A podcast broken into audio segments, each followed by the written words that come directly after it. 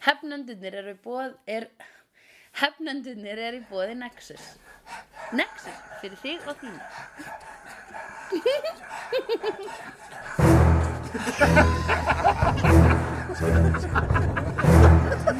Já,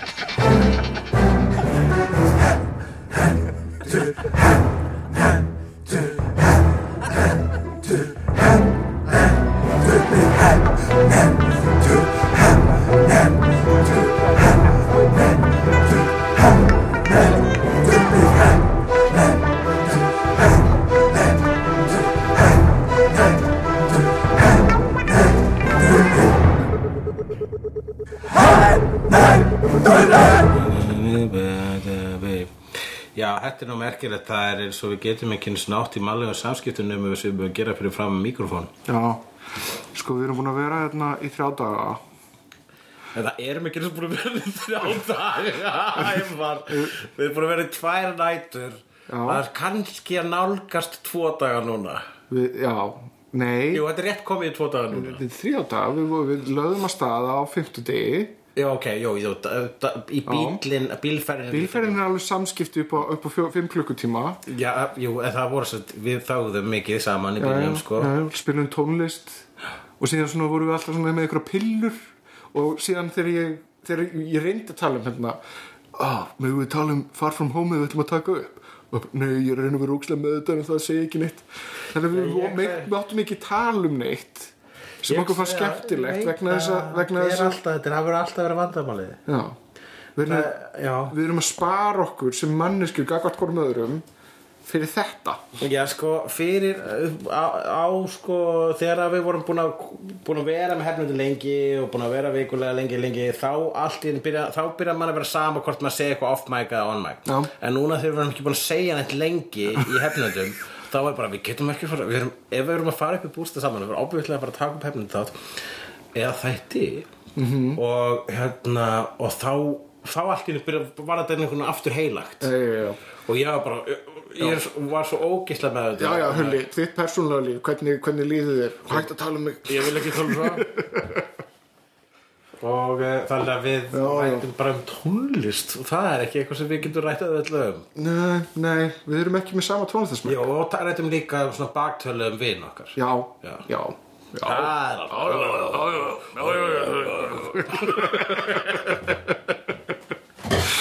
Uh, Hérna, já Nei, þannig að þú veist Og um leið og við kveiktum á þessari græju Um leið og við fórum í hefnindagýrin það, það, Það var svona eins og brast stípla við erum búin að þegja hérna óslega mikið saman. Þú ert búin að fara af og til þarna inn í herbyggið með laptopin annarkvort til að horfa Brightburn eða til að Bright Your Burn. Nei, ég er búin að vera að, að þykjast skrifa. Já, þú ert bara að vera þykjast skrifa, segja mér frá því Ertu svolítið í því núna? Ég, ég veit að þú hefur alltaf átt auðvitað með að skrifa en ég hef á tilfinninguna að núna áttu ekki svo auðvitað með að skrifa. Nei, nei, nei, þetta er alltaf skrifast í haustum á mér. Já, en Ég er umverulega bara, þú veist, það er, það er að koma sér að verki Það tekur alltaf langa tíma. Já, En þú veist, um leið og þetta, þú veist, um leið og ég byrja að setja eitthvað niður á pappir Það bara mókast þetta út. En þetta er bara hluti af prósessnum Það er það, þú veist, að safna hugmyndunum já, inn Og viða úr það slæmu Og svona setja hold á sumar þeirra Það er, það, ok, þegar ég segi það að ég fá ekki hérna, uh, rætisblokk Þá þýðir það ekki að það sé ekki tímabilda sem ég er ekki að skrifa eða mér langar ekki að skrifa þýðir bara einfallega að, þú veist ef ég þarf að skrifa, þá bara get ég skrifa ég veit það, sko, rætisblokkið mitt það byggir ofta, það er alltaf þegar bara, ef ég er að skrifa eitthvað, þá er eitthvað rödd sem segir, þú ert að gera eitthvað rámt, það er eitthvað rámt hérna, þetta á ekki að vera svona, þetta áður öðruvísi Já. og þess vegna finnst mér eins og ég sé að sóa mínum, minn orku ef ég held áfram að skrifa þá braut mm. sem að, einmitt, ég uppgöðu þetta í dag ég er búin að vera að skrifa eina sögu ógísla lengi hausnum á mér og ég er alltaf að byrja að skrifa hana aftur og bara alltaf bara strax að hönnunununnu og ég bara, ó, það er eitthvað rámt það er eitthvað rámt hérna, þetta á ekki að vera svona ég þarf að breyta ykkur og ég fór í göngutúr sem er eitthvað sem ég gerir gjarnan ef að ég þarf að skrifa. Mm. sérstaklega þegar að skrifa sögu. Ef ég þarf að, mitt, eins og þú rætt áður er hollt vand að skrifa karaktera. Ég get skrifa díalóg og karaktera eh, og það er bara blindandi eða þú veist, já og líka, jú Hmm, auðvitað, já, jú, blindandi með getur það bara myndi vera alltaf illa skrifað. Mm. það og uh, ég, en, ég ég fór út í labitúr hérna í náttúrinni í Svarfaðadalnum uh, Í friðlindi fuglana. Í, í fuglafriðlandinu og þá einmitt bara kom til mín bara svona BOOM Nei, Hulli, þú ert búin að gera þetta allt vill svona. Sá hann á ekki að vera um blíblúbla Sá hann á að vera um blablíblú Og ég bara oh, Og það var bara Ég kom hingað aftur tilbaka drrr, Puntaði niður þar sem ég var búin að hugsa. Já. Og núna er ég ekki lengur með skrif eh, Stíflu, Mér hvað það var mér finnst það fyndið samt að þegar við vorum að keiringað Þú sagði basically það sama. Ég sagði það sama en Þú varst, ég... þú varst raunverulega svona þetta var hálfformið hugmynd bara hann fjallar ekki meira en þetta og síðan ég vil ekki tala um þetta. Já, ég myndi að sko að stíplan sé svona eins og stíplan sem að uh, bjórar gera. Já, sem Ok. dý, dýrið bjór gerir. Og ég hafi verið þarna þú veist í bílnum þegar ég var að segja heyrðu, ég ætti kannski að láta þetta vera um blablíblú frekar um blablíbla og, og það var bara svona, það var ég basically að segja ef við færið þessu spýtu myndi þá ekki stíplan bara hrinja mm. Mm, já, við sjáum til. Og svo, en í göngutúrnum það bara hm, ég ætla að prófa að færa þessa, þessa spýtu. Já, og ég færði hana og þannig ég var svona basically að labba og slá hratt tilbaka bara ég þarf að komast heim og skrifa þetta og þetta fyrir hausnum á mér. Og hvað fyrir hausnum á mér. Það var svo varstu að hugsa hulli. Hvað, ég man það ekki, ætti að tala við sjálf við þig? Oh dammit oh. gulreglíf, gulreglíf, gulreglíf Hérna, Gulreglíf? Já, bara eitthvað svona random hlutur sem allt í hennu verður svona það sem skiptir máli og síðan þetta bara Hvar var þetta? já, já, aðteglisbrestur Uh, hérna uh, Já. Ég en göngutúrar, það ég ætla að segja það göng, göngutúrar mitt trygg. Göngutúr eru frábæri treyð stundum með mér kannski pínustónd fyrir göngutúrin en það er ekki næsilegt Ég fer mikið í bað. Já, Mér bað alveg svona, þú veist brýtur ísinn einhvern veginn í haustum á mér já, hvernig er já, akkurat já. en þá, þú veist en alltaf ef að ég er ekki einhvern veginn að móka upplýsingum inn í mig og ég skil mig eftir í einhverju tómi þá bara svona mókast dót út Ég er bara, sko, hreyfing, sko, ef að ég er að hreyfa mig og ég er að fara eitthvað, þá er, sko, uh, er, er, sko, bara stimulantið bæðið blóðrás Já. og uh, að umhverfið er að breytast. Já. Og þá fer heilina strax, og þetta er líka það, ef þú ert að gera eitthvað, þá hérna, hættur að spá í hvort eitthvað sé sniðut eða ekki sniðut. Mm. Hættur að spá í hvort eitthvað sé rétt eða rámt, hvað varðar uh, sögustruktúr eða whatever í sköpun. Þannig að það er mjög oft sniðut til að taka til. Mm. Í baði þá... Vaska upp líka. Já, vaska upp, sko. Ég... Jú, það kemur fyrir í baði að það gera það bara verkum að ég verða að standa úr baðinu strax og skrifa það niður, sko. Já, ég bara, ég með síman og ég bara notaði niður. En, Þú var síman í baðinu, svo. já, hann er vastendur Er síminu vassaldur? Er minn sími vassaldur? uh, uh, Já, Ok. Það er ekki gott. Til mikið með það. Bara ekki fara með henni í saltvatn. Enn eitt staður sem ég get farið með síma minn inn á. En uh, þegar ég sem sagt lendi á einhverjum stíplum þá það sem ég geri vanalega er að ég etna, pæli ykkur öðru. Ég pæli, ég fyrir að skrifa eitthvað annað að teikna eða bara svona ég, ég gef sagt undir meðutundinni frí til þess að bara pæli þessu og vinni þessu. Og meðan þá, þú veist, þá reyni ég að gera eitthvað heilaust eitthvað sem, sem er ekki þú veist, þeir ekki inntaka á efni ekki, ekki eitthvað svona, þú veist, ég þarf, þarf ekki að hugsa mér þetta er bara eitthvað svona, þetta er teikna eða eða vaska upp, þetta er, þetta er bara ógæslega snjallt. nei, ég held að við séum basically að segja sama hérna, sko. En heitt triksið er að bara skrifa eitthvað. Vegna þess að maður neyðir sig til þess að byrja að skrifa Já, að þá kemur eitthvað drast og síðan bara fer maður að lesa það yfir aftur og þá veit maður, maður á þetta, gaggrína sig einhvern veginn, þetta, er- það sem Dan Harmon kallar kúkadraftið já, bara basically byrjar af kúkadrafti. Bara skrifaðu og komdu þessu út og það kemur eitthvað svona random shit. Það er nefnilega þetta sem er svo gaman að við að vinna með öðrum. Mm. og lætur bara aðra um sem að, og þá er ekki að segja ég læt bara aðra og hvað sem tekið á frá sér er kúkur og ég mun breyta því í demant. Sko en það er ekki það sem ég er að segja ég er að meina sko að að ég er svo erfitt með að gefa fram kúkadraft vegna að ég er byrja strax að gaggrina það. Ég er svo erfitt með að minna mig á að þetta er kúkadraft Ég veit það, það er það sem Dan Harmon er að tala um í þessu samingi er það að gefðu þér þetta kúkadrátt vegna þess að það er svo mikið frelsi. Já, já. það bara mókar ykkur drastli út og síðan fer það að vinna í prósessun að gaggrinni það til að vera gott Það sem ég er eiginlega að byrja að venja mig á núna er það að sko best auðveldustu sögurnar sem ég skrifa og skemmtilegustu og jafnvel bestu sögurnar mínar eru þær sem ég skrifa í sem pínur litlu römmum eins og ég gerði þarna Put your little hand in mine eða í bókinu minni Where's God. Þá er einn opna sem er 140 rammar saga sem heitir Where's God og eða það sem ég er að gera núna með þrándi. Og reyni hérna hérna í, í, í smabústæðunum það verður tilkynnt síðar uh, sem sagt margra ramma myndasögur sem að eru skrifar mín aðferð að skrifa bara train of thought. Já, já, já. Og vegna þess að ég veit að þetta er spýtukalla la la la whatever saga ekkert skiptir máli saga Þá gerist ekkert. Þá gerist ekkert í hausnum á mér sem að blokkar það heldur bara, bara pff, og allt, allt er góð hugmynd. Mhm. þannig skrifaði ég veist, allt, fyrstu leikritin mín og allt svo leis en núna þegar bara það veginn eftir að það hafði gekk vel þá bara bara ég hugsa okkur, núna þarf ég að fara að skrifa leikrit. En ég þarf að skrifa bæði leikrit og sjórp og hvað sem ég er að skrifa mm. eins og það sé illa teiknuð spýtukalla saga sem skiptir ykkur máli. Það er nefnilega þetta skiptir einhver máli dæmi. Þegar pressan sem þú býrð í hausnum býrð til í hausnum að segja það er bullshitið, það er, það er dótið sem er stopparinn Ég er svo mikið að reyna að setja maður þann stað líka. Já, það er erfitt, ég veit er alveg að það er erfitt. er alltaf einhver þroskar hluti af manni. Fucking þroskin sko. Hann skemmir Reynsla líka.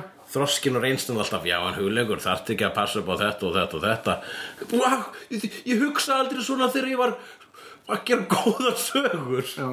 Akkur hugsa ég alltaf þegar ég hugsa svona þá verða sögurnar lélegar? Ég geti reynda til dæmis sagt að, að uh, svona sumt að skemmtilegasta sem ég les eru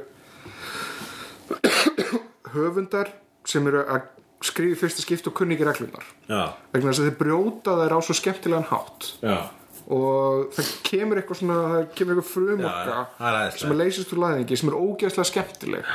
Hún er náttúrulega drast, þetta er ógeðslega illa, illa formað. Það Já. er alveg hægt að taka það samt með reynslunni og bara svona móta það betur. Drasli líka svo afstætt. Ég meina þú veist, það er eh, blessunulega líka mínu tilviki sko, til dæmis, ef þú tekur hérna uh, bara stærsta train of thought sögur sem ég skrifa sem er Put Your Little Hand in Mine sem eru 900 ramar þá er struktúrlega það er bara svona þú, þú, ef að þú værir að taka það jafn alvarlega á Game of Thrones þá myndir þú hugsa á síðustu metrunum Byttu, en hvað með Princess Pollution? Hún var kynnti sögður hann að snemma í rosa löngum kapla, svo kom hún aldrei aftur. Það er ekki einhver hluti sem trubla mig eftir á bara svona, já þetta er svona Princess Pollution aftur það er alltaf, það skrifa bara sætsögu því. Ég mun líklega að gera það. En, en hérna En, en American Baby til dæmis, er það plottað eða er það bara skrifað mér veist, mér veist ég að American Baby einn af þínum bestu sögum.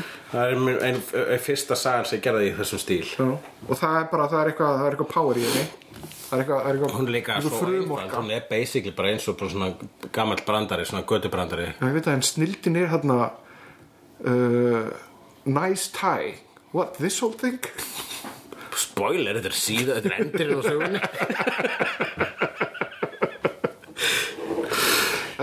Uh, Ef að fara bara þá að við vorum, við, vorum í uh, á hvað ertu að glápa? já, Á hvað ertu að glápa? og við ætlum að tala um Captain Marvel. Já, alltaf segi, jú, tökum þetta, tökum þetta bara í tímaröð. Línulegri röð. Já, uh, æðisleg. æðisleg, ógeðslega skemmtileg. Uh, flott í aging á hún Samuel L. Jackson. Já, uh, Brie það er ekki Larson mikið til, sko. Brie Larson frábær Captain Marvel. Æðisleg vegna þess að hún er sko hún er svo mikil grippa. Já, Ég fíla það. Og Hún var líka bara, hún var bara leiðileg já, Ég elska það. -hmm. Og það var það sem merkar hötuðu já, ég veit það. Bara getur hún ekki verið skemmtileg og brostaðis meira. Já, það er góðu skapi. Nei, þetta er badass bitch sem er löðrungaði sko. og síðan í ofanálega þá var þetta líka bara þessi skilabóði samt í það að þetta þessi hann hérna hvað heitir hann aftur, Gaurinn? Fyrrum, hérna, Captain Marvel uh, sem að, nei, nafna hans, hérna, sem Þetta að er um Jude Law já, En þetta tala um karakterinn hans. Þetta. Var vísun í, Við áttum að, við vorum látin halda að karakterinn hans Jude Law representaði þann sem í karakterinn sem að hann Marvel -hmm. sem að er karakterinn í myndasögunum sem var fyrsti Captain Marvel sem var kall og við vorum látin halda það og bæði vei Spoiler alert! Spoiler alert! spoiler alert uh, við vorum látin halda það að hann ætti að leika hann í myndinni. og hann ætti að vera Marvel. Já, já, og það- nema og- síðan komin ljós að Marvel sjálfur var meira svo kona í bíómyndin leikina Annette Benning nefnir það var fullt af plott fyrst í gangi, með krí og skröll og bara, veist og Já, ó, ógeðslega skemmtilegt stöf. Uh, og síðan líka þessi skilabóð sem að ég var að reyna að koma mér að að, að, að, að alltaf verið að segja henni að halda aftur á kröftanum alltaf verið að segja að bara þú veist ekki vera þú, ekki vera frjáls ekki vera, eh, þú, þú verður að vera falla í mótið sem er svo þrúandi og er mjög fallega takkrænt fyrir mitt bara hvern fyrir þessi baratuna þetta er beautiful, þetta er beautiful saga. En þú ekki eftir að því þegar þeirra fyrst að vera eins og þú orðaði það too powerful. Uh, Já, ertu að meina þegar hún var overpowered. Já, hún getur ekki að fara overpowered þannig að það þýðir eitthvað annað. Mér er minnir að að að er að þú að sagt too powerful eða overpowerful. En uh, þú var að googla það núna? Allar að sko eins gott að ég hafa rétt fyrir mér. Það er ekki overpowered. A wear of overpowered Captain Marvel. Ok, þú vinur, yes, en þetta er villandi eins og overpowered því líka því gagstæða Já, já, já. Já. Það er samt kannski bara viðendi vegna þess að Captain Marvel var overpowered á tvö vegu í þessari Nei, mynd. veistu það, ég held að eh, sá sem að skeit á sig hér er hinn enska tunga. Með því að láta þetta orð því að tvenna gjör ólíka hluti á sama tíma. Já, það er nú mörg orð önnur sem að þýða tvo hluti á sama tíma en ekki svona gagstæða hluti eins og á og á Já, Og en, á. ekki, já en á, á, á, á, á. það þýðir allt mjög mismöndu hlutir Já, eins og overpowered og, og, og Já, en ekki overpowered. svona, gag- við erum að tala bara svona gagstæða hluti þetta, það er það sem að er sko og bara, æ, veistu það Nei, nei, þú, þú, þú gróst þér þessa þú bjóst til þessa bjóra stíplu Hm.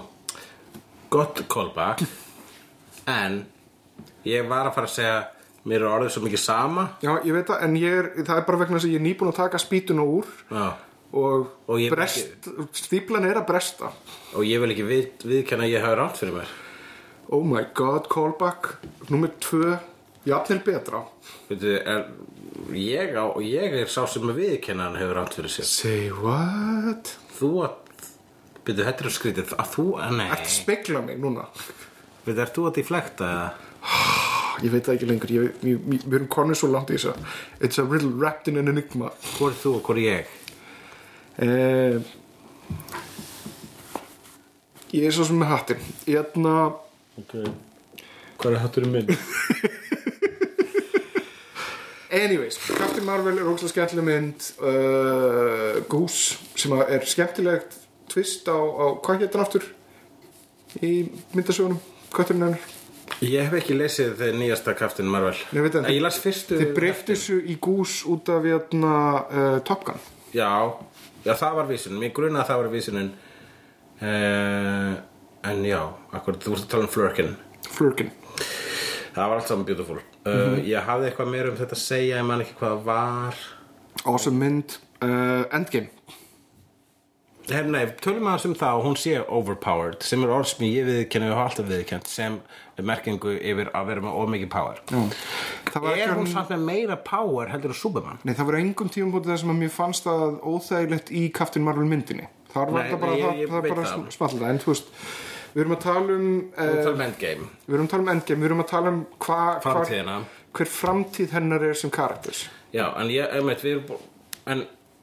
þú veist, er hún meira powerful heldur en Superman? Mm, vegna þess að Superman getur verið í Justice League of America hversu nætti Captain Marvel ekki getur verið í Avengers? Þetta er mjög viðjandi og góð spurning. Það er kannski vegna þess að mér finnst balansinn vera svo góður í Marvel heiminum með powers En finnst þér þá það sem að skemmir uh, Já, mér finnst Jesse það- heimin er að það er, það er, það er, ekki, það er eitthvað svona non-balance, uh, eitthvað ójafnvægi sem að Superman skapar. Ég örglega Ég, ég meina þú veist það er, það er, það er, það er rosalega margir. Dr. Manhattan ójafvægi Ma, Dr. Manhattan Það er Dr. Manhattan ójafvægi Það er, það er komið nafnið á þennan Manhattan ójafvægi En það, þetta, er alveg, þetta er alveg valið pæling og ég meina þetta er það sem Watchmen fjallar um er það að þú veist við voru einu sinni með ógeðslega En er sko pedestrian hetjur og síðan alltaf kemur alvöru overhetja í Dr. Manhattan. Vissulega en sem, að, Manhattan sem að bæði vegi Zack Snyder skildi ekki Það er eitt að vera, er að ofmáttugur eins og þú vilt meina og annað að vera almáttugur sem að Manhattan er. Já, já, ég meina en þar fer Alan Moore bara aðeins lengra með líkinguna. En hann Superman er nokkurn veginn almáttur það er erfitt að búa til óvinni fyrir Superman þótt að þeim hafi tekist það í, í þessi hundra ár. Já En jú, hún getur flóið í gegnum reisastort gameskip. Já, ég, En það er sko, það er fullt af hlutur sem hún getur ekki sigrað.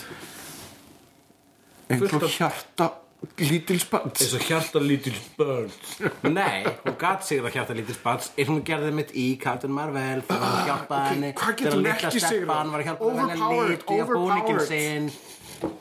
Nei, sko, uh, eins og bara, þú veist, það, það þarf ekki nema ímyndunarafl og góð skrif til að skrifa það. Vegna þess að, jú, eitthvað sem getur sigrað risa gameskip með það að fljúi gegnum það getur ekki sigrað allt. Nei, það er fullt af svona actual, þetta, ef eitthvað það þýðir þetta bara það að núna þurfa höfundar marfumyndina að næst, komandi Avenger mynda Avengers mynda að step it up og skrifa challenge sem er meira en bara kýla risastóra geimverur.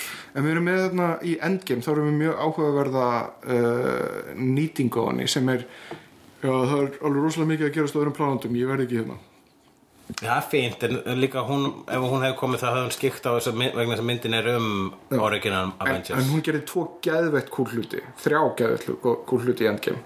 Fyrst þá bara tók hún Thanos út rétt að þau drápan nánast. já, þá getur hann setti power geimstinin nei, nei, nei, ég er að tala um þegar þau dreipan manstu í byrjunni já, já, já, síðan í gegnum gameskip og kemur á síðustu stundu þegar allir eru bara, þú veist, hvað að gera núna?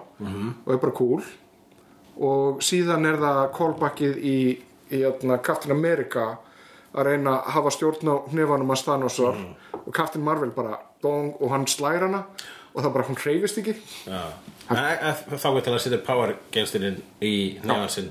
Og tekur hana þannig. Já, sem var snið til honum. Það var sniðut hjá honum, snjall drákur hann, hann Thanos. Thanos, hann er alveg, hann er, hann er með hann er með með þetta, eitthvað, sko Það er- við það er ekki bara útlitið sem er nú heillandi, sko heldur líka hugmyndafræðin. Grafísk hönnun það er Er þetta að segja að hann hefur grafískur önnur eins og Hitler að það sem er vísinniðin Já, er? pínu það, pínu að reyna en það, ég held að það sé ekki einu staði fyrir því. Heldum áfram. Já. Jæna, uh, Það er skynsalegt að fara í endgame strax upp úr þessu.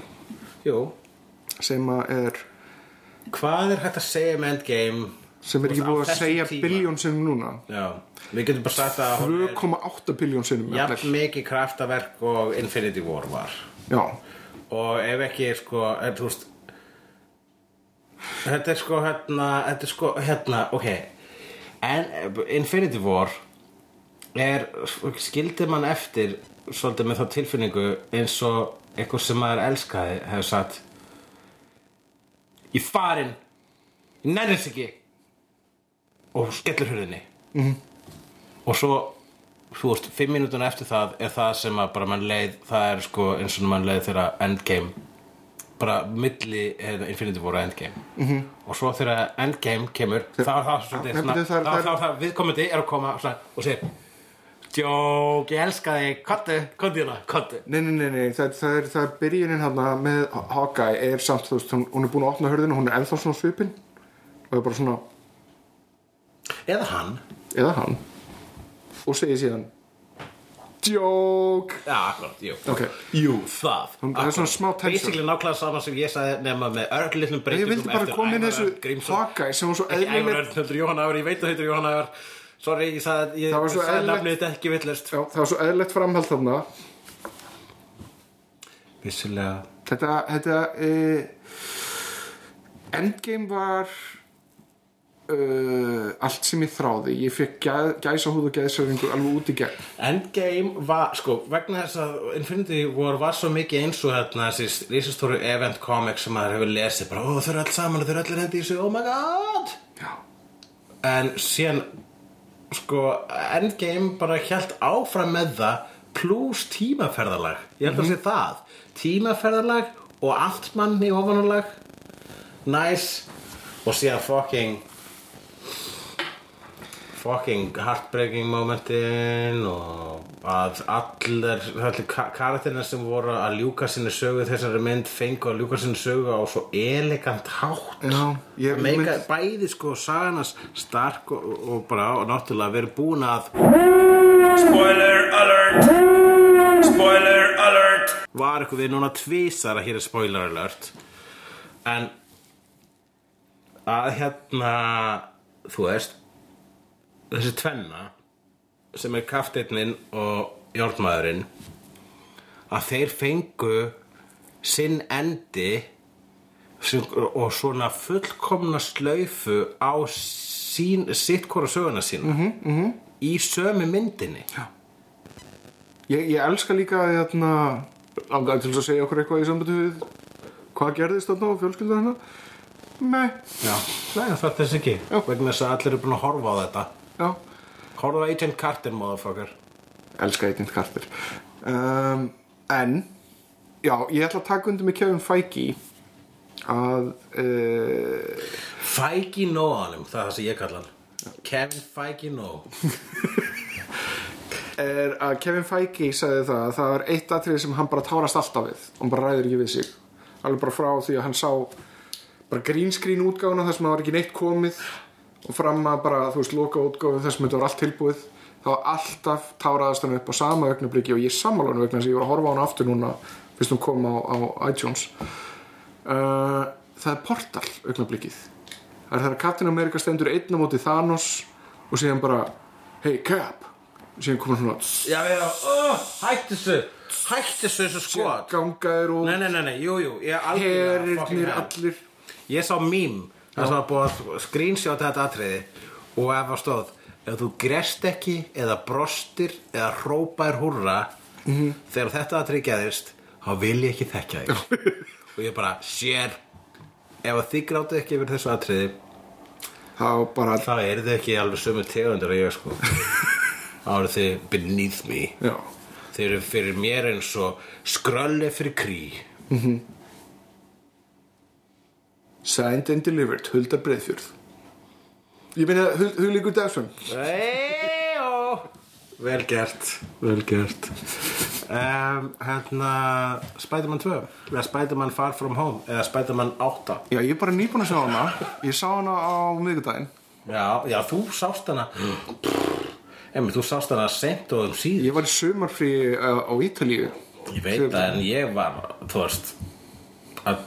vel gert vel gert Spiderman 2 eða Spiderman Far From Home eða Spiderman 8 Já, ég bara nýbúin að sjá hana Ég sá hana á miðgudaginn já, já, þú sást hana Emi, þú sást hana sent og síð Ég var í sumarfrí á Ítalíu Ég veit það en ég var, þú veist að, Við vorum báðir Við vorum báðir að fara eitthvað út eða eitthvað vesinni þegar að Nexus-sýningin var.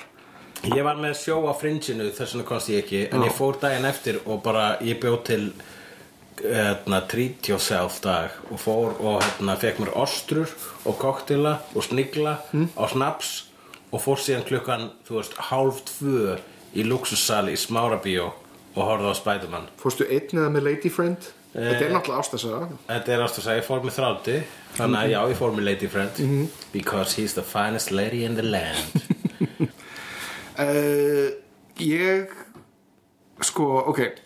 Into the Spider-Verse er ennþá besta Spider-Man myndin.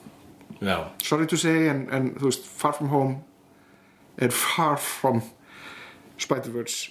Uh, En að þessu sögðu já, hún er satt er satt æðisleg. Nei, við veit það, þetta er, þetta er samt æðislega mynd. Já, svo hann er ekki eitthvað far Hún Þetta er, svona er bara Þetta er, þetta er um, Þetta eru, tveir góðir nammimólar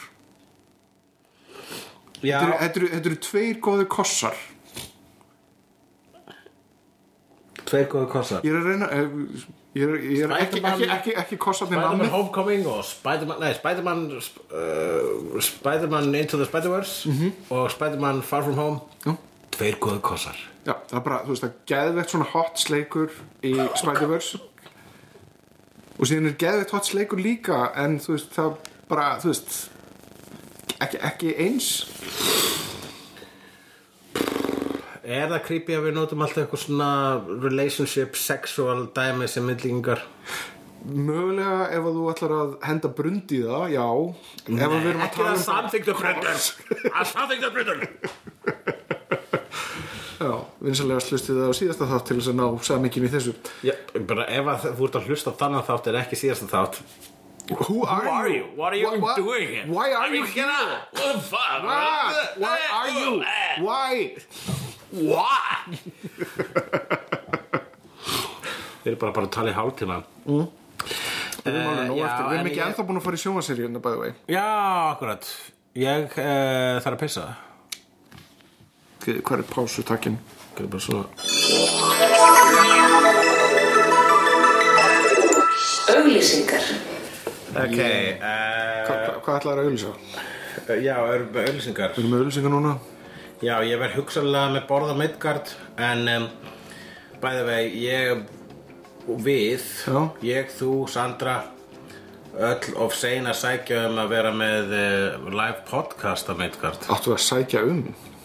Við erum bara svona ógeislega mjög dífur Við gerum ráð fyrir að síðan haft samband við okkur. Nákvæmlega, ég meina, Já, þú veist. það var ekki þannig í ár. Það er ekki þannig í ár. Nei. Já, en herðu, Nexus er frábær verslun sem að uh, enginn má missa af Nexus er uh, fagrasti, fagrasti staður. Sko, við erum í Svarfaðardal sem er í alvöru talað bara náttúrufegur Ok, Nexus góð búð. Næsta. Nexus er fagrast í staður. Uh, uh, til dæmis við erum hér í Svarvadal Herru, ég var, ég var á leiðin eitthvað, sko. Ég veit það, en hérna En það sér ekki Svarvadal Það er fólk sem er sér Svarvadal getur líka hérna Það má samt alveg vita af því hvað hann Og bara fallar persónulega finnst mér Svarvadal fallegri en Nexus. Ah, allar, allar virkilega að fara að, að challengea því að Nexus sé fallir en Svarfaðardalur? Nexus er ekki Nexus er bara æðislega staður Öðruvísi falleg fallegt. Ég myndi að það er tvo kossa Ég myndi að það er Spider to the Spider-Verse Ég myndi að það er sko Into the Spider-Verse Ég myndi Hörður. skrítið að mér finnst minn brund Ég, ég, mín I, I'm brund- tying this I'm tying minna this creepy together. heldur en kossa ég var, ég, var, ég var að leiðinni frá kossunum. Sko málið er það að Into the Spider-Verse og Far From Home eru svona eins og Svarfaðardalur Og Nexus. og Nexus. Nákvæmlega.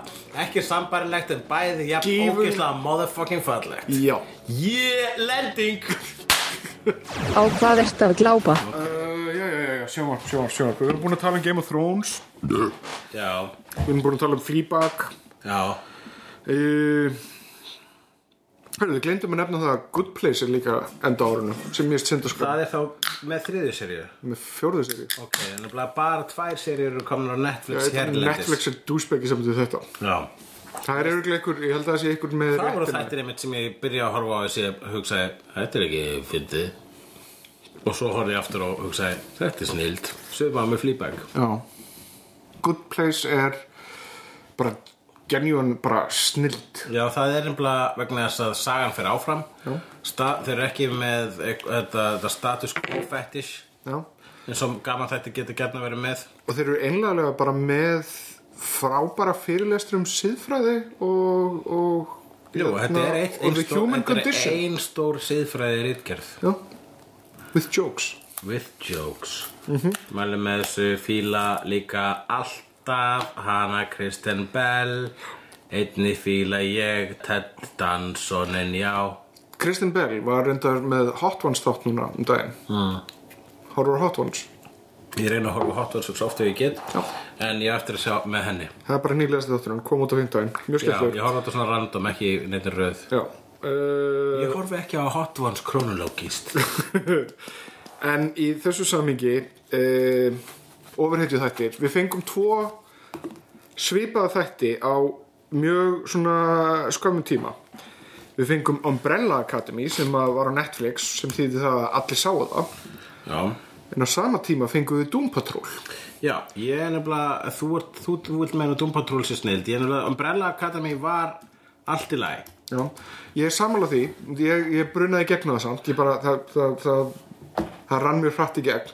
Það rann Gerard Way sem er lænlingur hans Scott Morrison sem að skrifa það og er með mikið tónlist í þessari seríu. Um, hann er samt ekki Grant Morrison. Nei, nei, við vorum reynda með Happy frá Grant Morrison þar sem hann var raunverulega að taka þátt í að skrifa já, minnst happy aðeinslega. Happy er frábært uh, ég er reynda ekki búin að klára season 2 Ég er ekki búin að klára season 2 heldur. Já. En Doom Patrol er reyndar ekki Grant Morrison tók við Doom Patrol á okkur tímabúli þetta var eldra Já, já, Doom Patrol er eldgamall lið en það ber, frægasta rönnið eins og maður segir með Doom Patrol í myndasögunum er skrifa Grant Morrison einu besta myndasöguhöfundi alltaf tíma. Þetta stu fyrir Invisibles og uh, Arkham Asylum og uh, The Filth Já. og uh, We Are One We Three. We Three, We Three maður. En ég, ég er með eitt sko ok, ég elska Doom Patrol.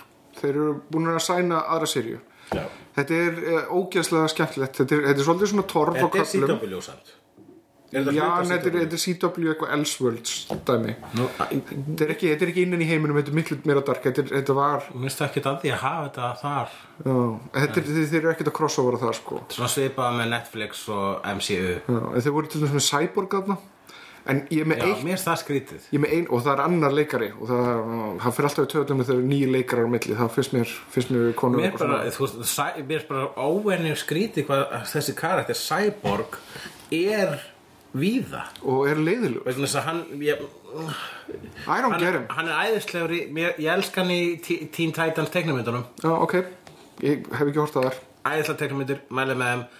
Þú maður sem fílar Steven Universe og Adventure Time horfðu á fucking Teen Titans ok, ok, uh, en síðan hérna ég ætla að klára samt Teen með Titans Go þar að segja, það, þetta er Ah, ok, Teen ok, Titans Go. ok. svo er hérna Titans, þetta er CW og þar er uh, uh, Cyborg líka nei, hann er ekki því Já. hann er svo eini í Teen Titans sem er ekki því vegna þess að hann er í JLA myndinni for Mhm. some fucking reason og svo er hann núna í einmitt Doom Patrol og ég hugsa ok, Cyborg er allir læg karakter en hann á ekki vera hann, það er engin ástæð fyrir að hann sé að út um allt. Hann er ekki, hann er ekki það vinsætlega frægur eða en whatever. síðan er þið líka með hvort þið er vélmenni. Já, þeir eru með vélmenni í Doom Patrol. Já. en samt, ég ætla samt að segja með Cyborg í Doom Patrol hann er Lebowski teppi.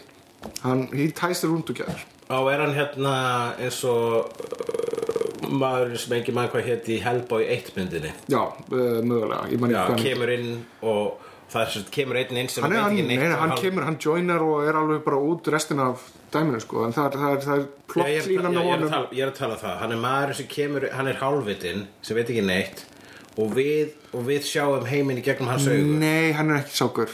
Hann er ekki sákur, hann er náttúrulega weird til þess að byrja með sjálfur. Já, en hann er rookie. Já, hann er rookie Já, það er það sem ég meina með hálfvitinn hann, hann, við erum meira með sko alveg hóp af fólki sem er dysfunctional og vill ekki einhvern veginn okay, fara Rookien, úr. fyrir ekki, ekki hálfvitinn rookie. Já. ok, en hann er, jæna, hann er manneskjan sem kemur inn í hópa fólki sem er staðnaður Já. og setur það á stað. En jæna, ég er með eitt einfalt pitch fyrir það hvers vegna áttu að horfa á Doom Patrol Danny the Street Já, hann er í því Danny the Street er karakter í Doom Patrol Já, ég ætla að horfa Doom Patrol mm hafði ekki afgjörð því Það- uh, en það það er er, í- bara er ekki um leið að vera algjör er, er það á Netflix eða? Uh, nei, þetta var, þetta var eitthvað svona á einhverju loku, hvort það var Showtime eða eitthvað. En það var þetta. sko Umbrella. Academy og Doom Patrol sem eru svona weird overrated lið tveir þættir sem koma á sama tíma Já. það, við vorum að ræða Good Place það kom annar Afterlife þáttur. Já, á uh, Amazon Prime sem ég vil meina að sé betri en Good Life. Good place. Good Place. Uh, allavega að hvað ymsa faktora varðar? Já. ég myndi segja kannski betri hvað varðar karakterskrif og meðan Good Place er betri sem plottskrif Ok, láttu að það. Þættirnir og núna er ég að spoila vegna þess að maður kemst ekki að þetta sé hérna, Afterlife þáttur fyrir í uh, lok annars þáttar. Og það er þættirnir Forever með Fred Armisen og Mæi Rudolf Já, ég hef gett að horta á þá þetta þeir eru æðislegir. Ok. beautiful, beautiful stuff. Og það sorglegasta við þá að það kemur ekki önnur serja Já, ok þannig að, um, já, þannig að ef þú vilt sjá byrjun á okkur æðislegu horfa á Forever sem heitir ironically Forever. Uh, en við tölum um Umbrella Academy sem eru eftir Nei, ég nenni ekki. Mér finnst Doom Patrol svo miklu, miklu betri. Mér, Ég nenni ekki Umbrella Academy. Þetta er, það er svo sem ekki mikið um það að segja. Já ég veit það ég er, cool að sjá hana Mary J. Blige svona. Já, nei, ég meina þetta var passable en þegar maður er með steik fyrir framann sig þá langar mann ekki kótilettu. Jó, já, ok, ég skil þessa myndlíkingu en ég er ekki samanlega in real life vegna svo stundum langar mig frekar litinu steik. En Ok, ég fattu hvað mennar þú ert með skál af skít við hlýðinu skál Rólegur. Umbrella er ekki skítur. Ok, hún er ekki skít Ég horfði á þetta allt í einum rik en ég, það, það, ég verði að viðkynna að það tók á Það var alveg bara svona uh, get over yourself, pínu. Nei, bara, mér fannst það svo óþægilegt að horfa á Umbrella Academy. Reyndar, þú veist, ég horfði á allt Umbrella Academy bókina. áður en að ég Umbrella Academy bækjarnar eru bara fín, freka fínar. Þetta er, en þetta er bara freka fínt. Þetta er ekki, þetta er ekki kvalitet. Það er kvalitet í Doom Patrol. Það er alvöru fokkin kvalitet. Já, ég bara, ég trúi trúi hver einn stórið hér. Ég skal segja það sem að allir mér vonbriðum var tegður lopi í Umbrella Academy. Og það sem að, og, og hvernig sumi karakterar Já, ok, krakkar Ég veit að papp ykkar fór illa með ykkur. Nennið að get over it í allavega öðru með þriðja þætti en ekki væla um það hverjum einasta fucking þætti alltaf að eilífu Ógislega leðilegt ok, þú átt eftir að lenda í smá vesinu með Doom Patrol vegna þess að það er eimir af þessu í því. Já. en það er bara með svo miklu skemmtilegri pælingum ofan að það Ég er bara, ef að fólk er að vorkina sjálfur sér alltaf sem að fólk, Umbrella Academy var bara ofurötu lið þar sem að allir vorkina sjálfur sér fyrir utan dópistinn vegna þess að hann er hífaður. Það kemur véfréttin hann sem að uh, er með upplýsingar uh, sem er syngjandi höstsaus Já, já. Sem að syngur alla svona spátumanna sína í þarna, In the Key of uh, Horse with No Name. Þetta er beautiful. Þetta er beautiful stuff í, Doom Patrol. að en ég hlakka til að segja Doom Patrol. Ok, uh, what we do what we do in the dark. Uh, In Shadows. Oh, já, já, that's the stuff. Það er eitthvað sem við getum ekki rætt mikið núna við séu eftir að segja. Það En þú getur allar sa- við hefum séð báða bíómyndina og þú ert að segja, ég reiknum með þú ert að að segja þetta er svo bíómyndin nema jafnvel betra. Næ, þetta er bíómyndin er meira on Tight. point. Doit. Dóit En uh, það er mikið af svona loftið þarna en síðan síðan bara kikkar þetta inn. Góð stöf Hlakka til að segja uh, Russian Doll.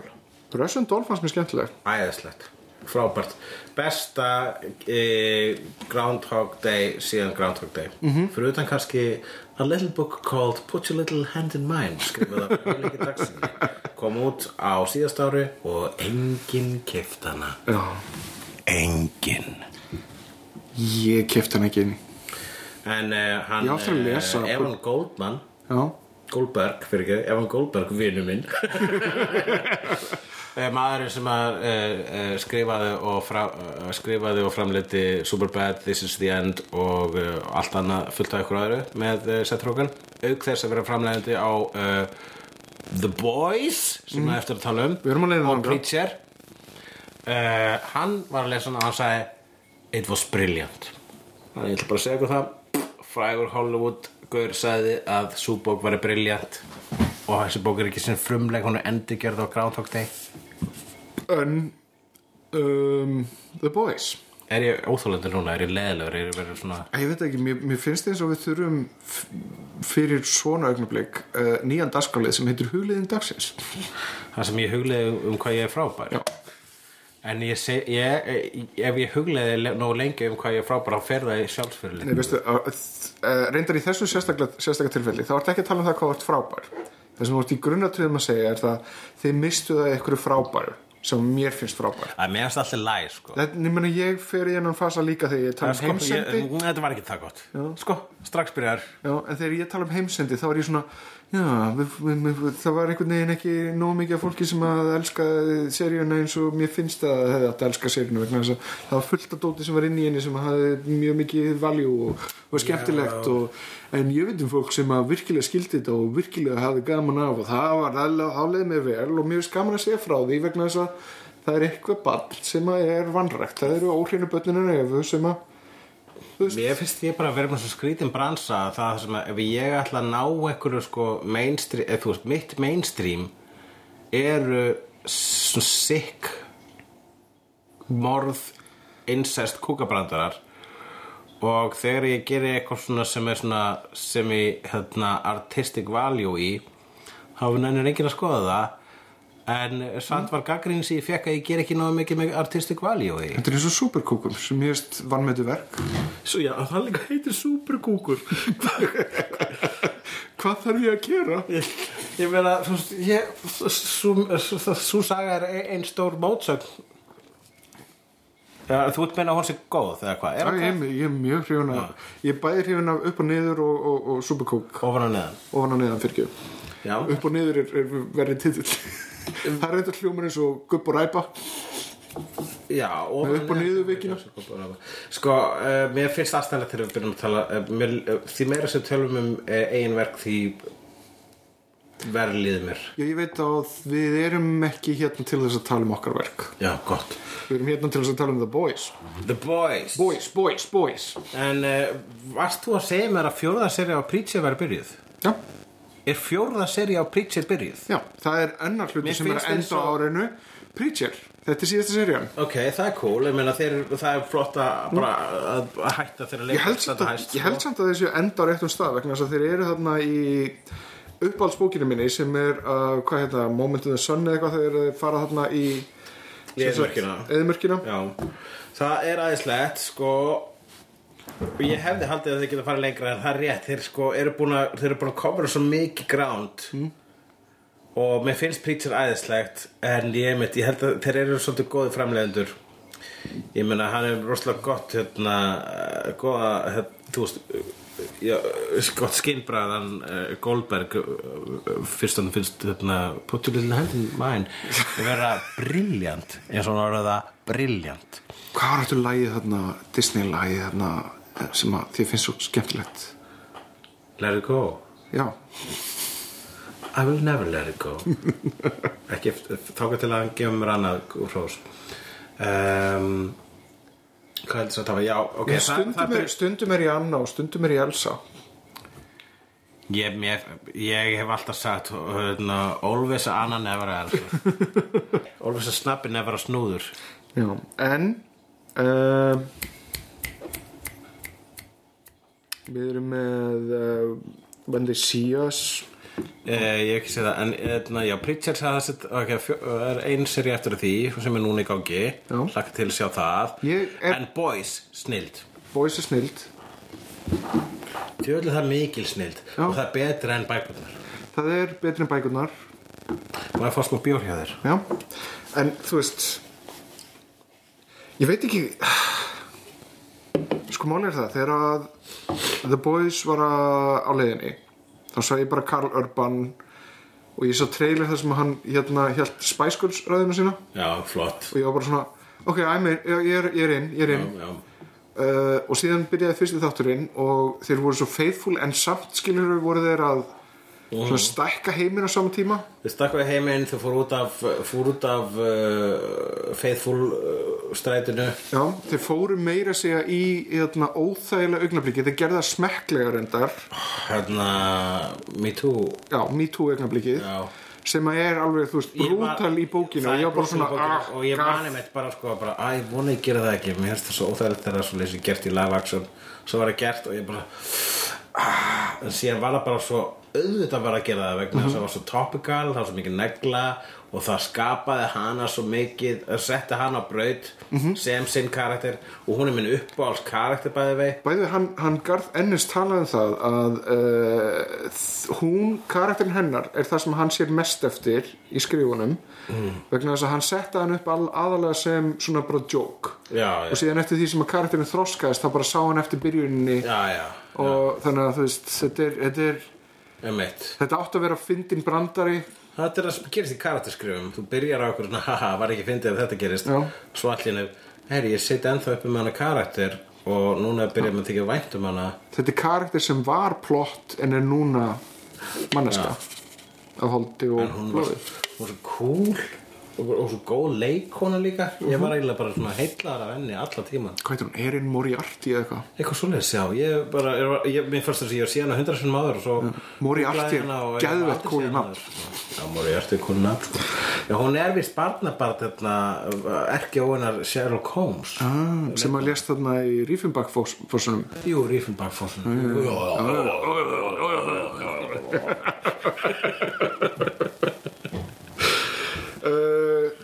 Herðu um, Ertu með fleiri sjónvastætti vegna þess að annars er ég bara með dánafregnir Það eru margir búin að deyja. Herru, ég held að það sé komin að dánafregnum Byrju, byrju, ég ætla að skoða samt mitt skjál hérna. Ég var með mitt skjál, byrju Ok, ok, ok. Ok, ok, ok, ok. Uh, Star Trek Star Trek, Star Trek Discovery. Ég meina, við erum ofta rætt það, ég elska það. Við, við reyndar höfum ekki verið með uh, Jú, við höfum talað um Orville vs. Discovery. Við hefum gert það og það En voru þetta, ég vil, ég vil, ég vil koma þér hreitt vegna þess að við tókum þetta í eftirparti ykkur tíman þar sem við held ég höfum, höfum náð lendingu. Sem er það að þú veist, þetta er seriós og Honey Nut seriós Já, þetta er nostalgíu Star Trek sem að ég elska. Já, akkurat, það er rétt. Orville og Discovery er Já. serious og Hornet serious og hérna, ég, Þannig ég ég, myndi segja Orville sé Hornet serious uh, er það ekki bara, þú veist old school seriós sem hittir með Honey Nut og það er svona, þú veist, það er nýtt og fest og nýtt bræð og spennandi? Já. Já, en mér finnst sko kannski sko hunangið í Hornet serious vera nostalgía. Já, þannig að sko vegna þess að Star, þú Star Trek í rauninni hefur aldrei breyst. Þú veist að sanna Star Trek vegna þess að e, það breytist alltaf. Næsta seri er alltaf öðruvísi heldur seríuna undan. Fyrir, þú veist, það var kannski það var ekkit svaka stökk á milli Deep Space Nine og Voyager fyrir utan bara svona uh, location wise, þú veist, bara svona conceptually wise mm. en, að- en, en hug, konsepti sem þið stálu frá hérna, Babylon 5 já, já, Deep Space Nine þá já, já, já vafalaust. En, however, það var alltaf, var alltaf stökk sko, það var alltaf stökk sko, svona hvað var þar uh, uh, social relevance. Mm -hmm. það var ekki mikið stökk á milli Deep Space Nine og Voyager en það bara kom á svo svipum tíma hvort er En e, þannig að sko það að Discovery skuli vera svona mikil framástefna með að við það sem undan hefur komið það, er er bara í, það er bara í stíl við Star Trek og Star Trek hefur alltaf verið þannig þannig að mér finnst það vera venjulegt serious Já, en uh, basically er Orville það er hei manstu þið fannst þetta svo næs Já. sett smá hun á gerna að þessu sögðu þá er Orville uh, Star Trek bara ekki Star Trek. Það er samt alveg Star Trek. Þeir eru að taka social issues og allt það. Mér, ég, ég, ég elska Orville, mér finnst það ógstlega Já, gaman. ég þarf að gefa þessu sjans ég bara, ég, ég bara allt þetta social issues dæmi þeir taka það fyrir, það eina sem skemmir fyrir Orville að ykkur leiti eru brandarnir Já. sem Það eru er það sem böggar er bara alveg endalist bara Ok, ákvöldu þig. Ætlar að vera topical eða ætlar að vera fyndin? En- Ég veit þú getur verið gert bæði en apparently þá getur það ekki. Það, það er samt, þú veist, það er, þetta er einhvern tímann svona miðbygg fyrstu séri þá finna þið sig. Já, og síðan eru svolítið með leifar að þessu ennþá í byrjun og annari serju en síðan eru þið bara að losa sig við það og í þriðju serju ég býst fastlega við því að þeir eigi eftir að, jæna, að lenda loksins tóninum en það er auðvitað, það eru alltaf þessi pappabrandarar sem eru þarna sem að skemma fyrir, það er það eina sem að skemma fyrir. Restin er samt beautiful. Bara alvöru space drama með topical pælingum. Það er sko bara pappabræðin er skemma fyrir en restin er beautiful. Mm -hmm. Svolítið svo ákveðin manneskja sem ég þekki. Uh, Hérna Jessica Jones. Jessica Jones síðasta season ánæður Ánægður. Mér finnst það gott. Beitum tvö. Betur en tvö, definitely betur en tvö. Mér finnst tvö fínt. Að þú veist fyrsta, sko, fyrsta seasonu Jessica Jones er alltaf besta seasonu Jessica Jones og líka eiginlega besta seasonið af Marvel Netflix. 100%, 100% Þetta er, mér, mér, af öllum Netflix þáttunum þá fannst mér alltaf Jessica Jones vera uppáhaldið mitt. Jessica, eh, mér finnst það hérna hér Punisher, Punisher til dæmis fílaði fyrsta sísón datt út úr öðru sísónu Mér fannst sko, ég hef ég er með issues bæði hvað var það fyrsta og annars síðan að Punisher ef ekki væri fyrir þá staðrind að þessi leikari er aðeinslegur og Ah, þegar, já. hann, þegar hann byrjar að Punisha þá er það aðeinslegt en bara, bara let go of the military dæmi og ég, mér finnst að vera mesta miss í heimi að láta ekki Jigsaw vera almennilega afskræmdan mm. Mm. hann var bara með svona nokkur ör sem gerði hann bara svona hann var ennþá sætur. Hann á að að vera afskræmdur. Já, hann uh, æfar er frá klostið og uh, ég veit ekki á ég tala bara með hann? Nei, ég íta pásu og það kemur svona sound effect það kemur eitthvað svona jingle núna. Já, hann á að vera afskræmdur. Og vegna þess að Jigsaw í myndasögunum hann er sko bara lítur bókstæla út úr þessu púsluspil í framann þess vegna heitir hann Jigsaw. Og svo er hann bara eitthvað svona oh, Jesus Christ ég var, þetta pyrraði mig endalust ég bara, ó ég var alltaf til að hugsa ok, hann að Punisher hlýtur að eðilegja andlita hans hans meira hann í miðri sýri eða eitthvað. Það gerist ekki. Og ég bara og, það, og, og þetta er það sem bakaði mig alltaf með Punisher bæði 1 og 2 í seríunum sko, svo þó var sér besta Punisher hingað til. Þetta var nákvæmlega þetta hljóð sem gasfæður Já, það er, það er það að Það er, það er dómurinn Superhero shaming er þetta? Akkur þú eruð ekki að vera meira kartúni? Það er vegna þess að Netflix Marvel-armurinn er ekki undir Kevin Feige og er ekki undir almennileg kontról Nei, en ég Það meina að allavega sko fucking Daredevil er mann sem er hleypur um í búningi með hotn Já, ég veit það. Það er vegna þess að það er Og það er- á því er ekki manneski sem að er, er hrætt við það að gera overhedju. Já, þannig að það er engin svona head honcho yfir Netflix Marvelinu Nei. Nei, sem var saman er þetta Já. Já, þess vegna er þetta svo skitso mm -hmm. Já, mér finnst ennþá sko mér, mér Þeir heitast örgulega barnum samt og spjalla saman sjóraðurinnir. Já, já, já, já En þú veist,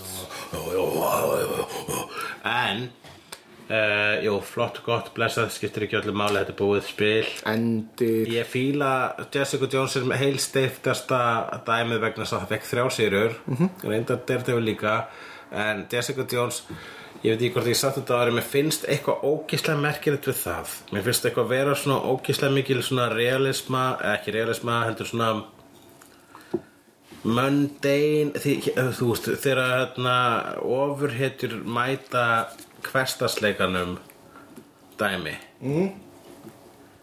veruleika speklun Það var rosalega mikið af því ég myndi í, í þriðasísunni. Jessica Jones þar sem að sko í fyrsta sísoni þá er vondikallinn fyrirvandi kæristinnar mm öðru sísoni er vondikallinn mammenar -hmm. og í þriða sísoni er vondikallinn besta vinkonennar þetta er eins og dagbók úlingstelpu og það er mwah, það er svo beautiful það er svo fallegt, það er svo cool Þú veist, ég með það hljómar eins og ég seg, að segja eitthvað, það gæti fyrir einhvern eins og að segja, segja eitthvað sem gerir lítið úr því með að segja dagbók úlingstelpu en ég er actually, ég held að ég segja eitthvað stert þarna, sko. Mér, finnst þú að vera með greininganögglu á það. Já, alveg svo þegar ég var með, þarna, með Normandy og Hiroshima þarna í Game of Thrones. ok, uh, það sem meira var hér, uh, kliks? Tuka and Bertie, svo orður það? Nei, hvað það? Tuka and Bertie. Ah, jú, ég horfði á, ég ég fyrsta þáttinn og uh, Tiffany Haddish og Amy Wong fuglar í ég Bojack heimi var tilbúin að elska þetta en mér finnst þetta of káttist. Já, þetta er ekki, þetta er náttúrulega ekki í sama heima á Bojack þetta er svipað á stílu Bojack þar sem allir eru dýr og eitthvað. Mhm. en uh, þetta er briljant. Þetta er ræðislegt Ok, þannig að ég á að horfa meira. Ég er bara búin að horfa fyrsta þátt. Bojack er um einmanna kall sem vorkinni sjálfur sér. Túka og Bertie er um vinkonur sem eru ólíkar en reyða okkur aðra. Já, en það var cancelað, það er bara eitt sísón af því og búið. Ah, Damn. Það er samt einhver séns á því að þau haldi áfram á einhverjum öðrum vikstöðum en, en að því sögðu Netflix er búin að cancela Það var allir drullu gott stöf um, Think You Should Leave sketsa þættir sem að mér fannst svo briljanti ég horfði á alla í einum rikk á túrnum mínum mm. og er búin að horfa á einu og hálfu sinni viðbót. Og þú þekkir mig, ég horfi ekkit aftur hluti sér svona Nei, nei, mjög saldan ekki sjóast seríur allavega sko. Nei, já, nei, þú horfið víst á hluti aftur. Bíómyndir sko. Já. En þú veist, við erum alveg eins í því að við, þú veist, það er sumir hluti sem við bara svona En ég Svona er eru comfort bara, food. Ég er bara búin að renna í gegnum I Think You Should Leave sem er sem sagt sketsa þættir á Netflix með gaur í alhuturki sem ég man eitthvað heitur og var í smástund á SNL og er briljant gjössalega briljant Skilaboð frá plánetunni Jörg. frá Ólafi Byrni Tómasinni spoiler alert fyrir það sem hafa ekki séð nýju Lóa myndina sem er pínu það er svona borderland úsi vegna þess að þú veist það, var, það kom Lói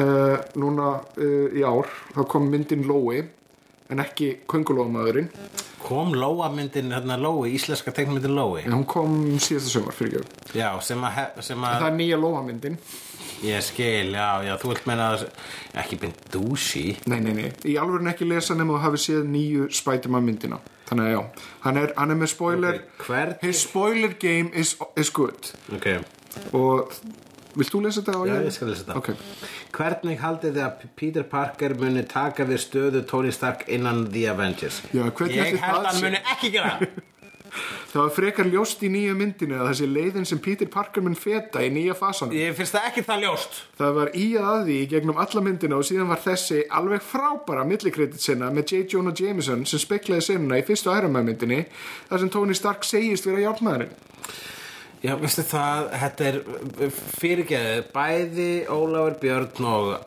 Ævar Örn. Og Jóhann Ævar uh, Þið eruð að láta þið eruð sko að láta hérna, hér er verið að villa einhver sín með augljósum flöggum og þið bara, já, það er augljóslega verið að segja bla bla bla. Já, hér er málið, það er augljóslega verið að segja það sem þýðir að það mun ekki gerast. Spiderman er ekki að fara að taka við af Tony Stark á neitt eða einn hátt það gerist Hann gerist kannski þegar að karakterinn Peter Parker er orðin 40 okkur ára. Það mun obviously ekki gerast í bíómyndunum fyrir eftir seint og síðan meir í feysi 10 eins og ég sagði eða eitthvað svo leis það er bara mín skoðun. Hey, ef hey, að það hey. gerist ef að það gerist skal ég geta hattinn minn? Þannig ég ætla að fara að kaupa mér hatt úr seríu.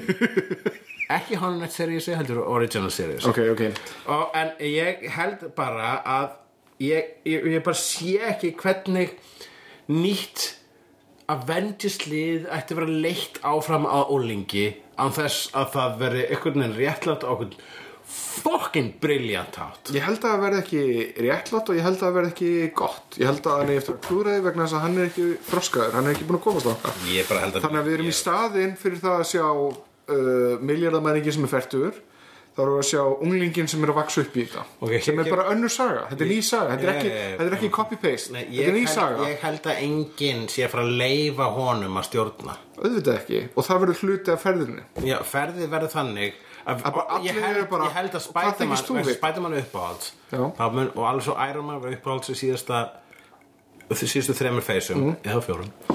Þá hérna, held ég að Spiderman mun vera aðal næst að hann verður ekki aðal í merkingunni að hann stjórni. Hann verður aðal í merkingunni að hann er karakteri sem stjórna sögunni. Við sjáum sögunni gegnum hans augu. Hann er eins, hann verður hann er rúkinn, hann er gaurinn sem við sjáum allt í gegnum, hann er fucking cyborg í hérna, Doom Patrol.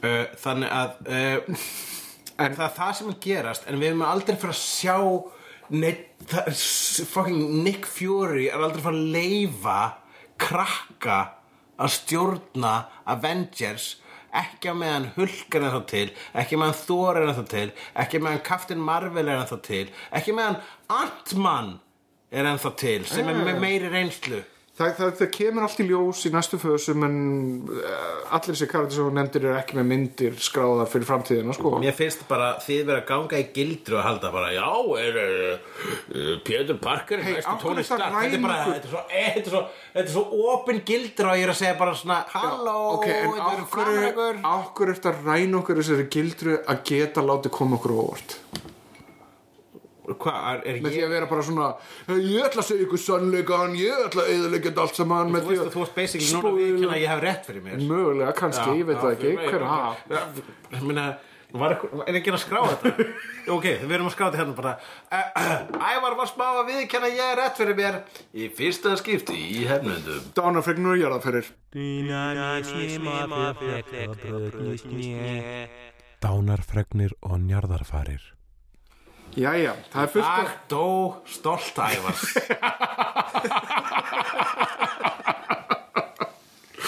uh, herðu, þetta er, þetta er langur listi vegna þess að fullt af fólki er búið að deyja. Uh, Já, til dæmis hver. Já, Stoppa, ég fyrsta ok uh, Peggy Lipton sem er leikana Normu í, jæna, í Twin Peaks. Norma var þessi sem var með dælerinn, það ekki? e, Jú, Já, og hún er dáin. já John Singleton er dáin Hörru, John Singleton er dáur, það er rétt, við sem að ræða það aðeins. Já, já, já, já, hann dó og hann gerði Boys in the Hood sem er awesome. Síðan gerði hann þetta myndina með Tupac. Og síðan hefur hann gert fullt af myndum með það ekki? Þessi hvað mynd með Tupac? Æ, það var einhver mynd með John Jackson og Tupac. Já, það er Poetic Justice. Já, nákvæmlega. En líka Higher Learning. Hann gerði ekkert rosa mikið af góða myndum En, en alltaf Boys in the Hood var geðvegg Boys in the Hood er geðvegg Það er bara freka briljan Ertu, ertu Boys in the Hood maður eða ertu Men's to Society maður? Ég var alltaf meiri menns þessu sætum maður Ég held að sé færast yfir á Boys in the Hood. Já, já. Báðar eldast uh, ekkert allt og allt, allt og vel En En ég kaupi það sem mátt að segja Ég held að það sé meiri bóðskapur í Boys Boys er með Boys var bara meiri grá Boys er bara mikilværi í sögu tíman sko, vegna þess að hún er meira, hún kom undan Já, en Men's to Society er bara níhilismi út í gegn sko. hún var svolítið mikið nýlismi en svo var hún það ekki sko. það er það sem eiginlega gallin við hana vegna þess að hún var svo mikið nýlismi en hún var brotin upp með von og maður bara svona make up your mind. Truth, Hérna Bibi Andersson Músan hans Ing Ingmar Bergman uh, Ótala Ingmar Bergman myndum sem ég man ekki nafnið á. Ég er ekki Ingmar Bergman maður. Ég eh, er bara ný, nýkomin í Ingmar Bergman. Ég- ég á en þetta var inn. til að þurfa ekki að viðkenna upp á þetta hvað þessu ósjóaður ég er í hans. Nei, veit það, er, ég held að þetta sé bara val sem við tókum. Við, við, við, við gátum lesið ofurhetjumyndasögur eða hort á Ingmar Bergman og Fellini. Þetta er ekki val, það var fóreldur okkar fílu Ingmar Bergman og við vorum að fara leiðandi uh, nei Já, reyndar fyrir fóldra mín er ekki, ekki bíó sérstaklega. Þau, nema pappa fannst gaman að horfa á John Wayne myndir og Charlie Chaplin myndir. Eru fóreldur reynir frá Steinald Cirka bát, þetta var ekki menningarheimili sem ég var á. Voru Það voru einu bækurnar. þegar þú áttu þig? 37 ára. 38 en uh, einu bækurnar sem að voru á heimilinu voru sem sagt sakfræðibækur uh, vísindabækur og síðan skaldsögur á dönsku sem ég nefndi aldrei að lesa vegna þess að ég kunni ekki dönsku. Scott Walker dó sem er nú ekki kvikmyndagæjan þú veist hann samti mjög kvikmyndalega tónlist. Og síðan er við leiðin í jafna, stóra nafna á listanum. Jafnir mögulega stærsta nafna á listanum. Hvað er með það? Luke Perry. Luke Perry dó? Var að Þekktur fyrir að leika í byrnu á Fifth Element og Dylan en hann leik líka í Buffy the Vampire Slayer. Já, hérna Stoner, Stoner, Stoner lúserinn. Bíamendinu sem er ekki tekið með. -hmm. Ég ætla ekki að gera lítið og elsku okkar Luke Perry en hann var ekkit á minni braut. Ég, ég, er- ég var með stöð 2 þannig að ég horfði á 90210 og það var gaman. Og ég, ég, ég er með svona það er svona trigger að heyra þemalagið í 90210 Bananana Bananana Ég sperrist upp eins og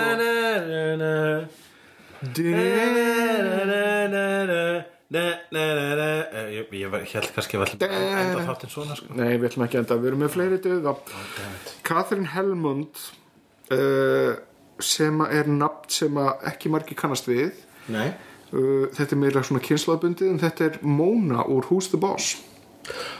Auðvitað. Mamma, mamma, Mona. Eh, Mona úr Who's the Boss Hún heitir Catherine Helmond Já, Hún var regular leikari hjá hann Terry Gilliam. Mm, Já, það er rétt hjá þér. Hún leik í Brasil, hún leik í Time Bandits, hún leik í uh, Fear and Loathing Hún leik í þessum myndum, ef ekki fleirum. Ég man, sko, ég man alltaf að sko Ég man þegar ég sá Time Bandits Hún er með "Hey, þetta stretch- Mona, who's the boss? Hún er með stretchy faceið í Brasil Brasil bara, þetta er Mona, who's the boss? Byrju, var ekki saman leikstöri? Og svo sá maður, einmitt Fear and Loathing bara Mona, who's the boss, þarna ertu. Þú og Terry eru greinlega vinir. Gaman. Seg, seg, já, já Hér. Uh, Síðan erum við með Jean-Michel Vincent. Sem er frægur fyrir náttúrulega eða Jean-Michael Vincent. Sean Michael Bissett sem er frægur úr fyrir fyrir það að vera í aðalhlutverkinu í þáttaröðinni Airwolf. Airwolf, já, náttúrulega Þetta er, þetta er ekki skemmtilegasti karakterinn í þáttunum Airwolf Þetta er pilotinn. Airwolf var skemmtilegasti karakterinn í Airwolf þáttunum Hvað var það? Þyrl, þyrl, Þyrlu, þyrlu, þyrlu Var ekki Nicolas Cage í bíómyndinni eða eitthvað? Ég- Var bíómynd? Ég held að bí- eh, Airwolf bíómynd og Nicolas Cage var í henni. Eða Ok, ekki. við erum með síðan Það var alltaf í þyrlu bíómynd eitthvað tímann. Tvo frekar solid en ég þarf að fara klóstið getum við ekki klárað þetta? Ég er að vera búinn hérna. Uh, Já, og, og ég skal bara lesa Og það er Albert Finney. Albert Finney er dáin, það er rétt hjá þér. Ó, hann var dásalögur sem uh, hérna Poirot í uh, uh, Murder on the uh, Orient Express. Upprunalegu. Heitur hún ekki bara Murder on Orient Express Aha. Jú, það er ógísla drullu góð mynd og þá erum við ekki að tala um myndina sem kom hérna nýlega eftir hann uh, Kenneth Branagh. Ég fíla þess að Kenneth Branagh. Nei, ég er ósaman að því, sko. Ef þú hefur séð upprunalega myndina þá Ég þarf ekki að sjá upprunalega myndir um Ég finnst þetta bara fín mynd ein, einu sér. Já, Bara, þú veist, ég- vegna þess að ef þú væri búin að sjá upprunalega myndina þá myndir þú fatta að uh, uh, hinn þessari nýja hafði engu við þess að bæta. Og ég er eiginlega að byrja sko. Við höfum, uh, við höfum varið endurgerðir hér í hefnundum. -huh. ég er smátt og smátt með aldrinum að byggja upp resentment gegn endurgerðum. Akkur vegna þess að bara hverju byggjur það? gerið bara eitthvað nýtt? Ég er alveg til í það að gera eitthvað nýtt. Ég er allatíð til í að sjá eitthvað nýtt. Já, ok, Ég er ef það að franchise, endurgerð, nýjar sögur. bættu það ykkur við vegna þess að þegar endur gera bæta einhver við akkur það þessu. Já, ég meina það er alveg rétt þér En sko Alveg svo Hvernig, hvernig er best fucking hérna Disney myndir. Ég hef ég sko er, bara- hef, er svo mikið svona í, í team entertainment þú veist það þannig að þegar það fara að gera live action Aladdin, live action Lion King live action allt í Disney þá, þá á, á pappir þá hljómar áslega vel svo sé ég myndina þarna live action Beauty and the Beast og ég bara að ég skil hversu nátt ekki að gera þetta -hmm. Mhm. svo sé trailerinn úr Aladdin og bara að nei sko ok fólk er að væla yfir því að Will Smith er blár í einu atriði og whatever það er ekki málið. Það er þetta var góð teiknumynd sem er núna live action mynd og getur aldrei endurskapað sama á teiknumyndin no. og hefur engu við að bæta. Sömulegis Lion King, ég vissum að þetta sé mindblowingly flott en það sem gerði allar sem myndi góðar voru það að það voru teiknaðar. Já, ég byrjaði að horfa á Dumbo og Aladdin Og ég ætla ekki að klára þar. Þessar myndir voru Ég þarf það ekki, ég, ég, ég er góður þetta er ekki bara þegar maður horfir á þannig þessar myndir hugsa maður aldrei vil vera gaman að sjá þetta leikið. En hugsaðum þetta, hugsaðu þetta, samt, hugsaðu þetta samt þannig. Þetta er ekki fyrir þig. Ég hugsa um það þannig og þess vegna er ég ekkert að brjálast yfir þessu en á sama tíma þá lang, þú veist, er til, til þess eru hefnendur, til þess er mitt persóna hér í hefnendum, til þess að venda yfir hlutum sem ég myndi in real life aldrei vera, þe- þú veist, þú þekki mig. Þetta ég hef aldrei verið jafn animated í okkur ferðalagi þetta norður og akkur núna meðan það er kveikt á mikrofónum. Já, ég veit að um, í ofanlag ef að ég myndi segja það sem þú ert að segja núna þú væri svo á móti því. Þú væri alveg hardcore bara Það er ekki satt. ah, bara ævar darkness mættur á sveið Það er ekki satt. pínu satt. Nei, ég er sammála ég, ég, ég, ég myndi ekki breyta um skoðun á þessu Ógnar fjör má alltaf sjá. Í Reykjavík. Á landinu um loftin blá. Líka á sænum. Hættur og háski. Látur og gáski. Hefnendur Í Reykjavík. Hefnendur Í ævintýrum lendar þess Hefnendur Hefnendur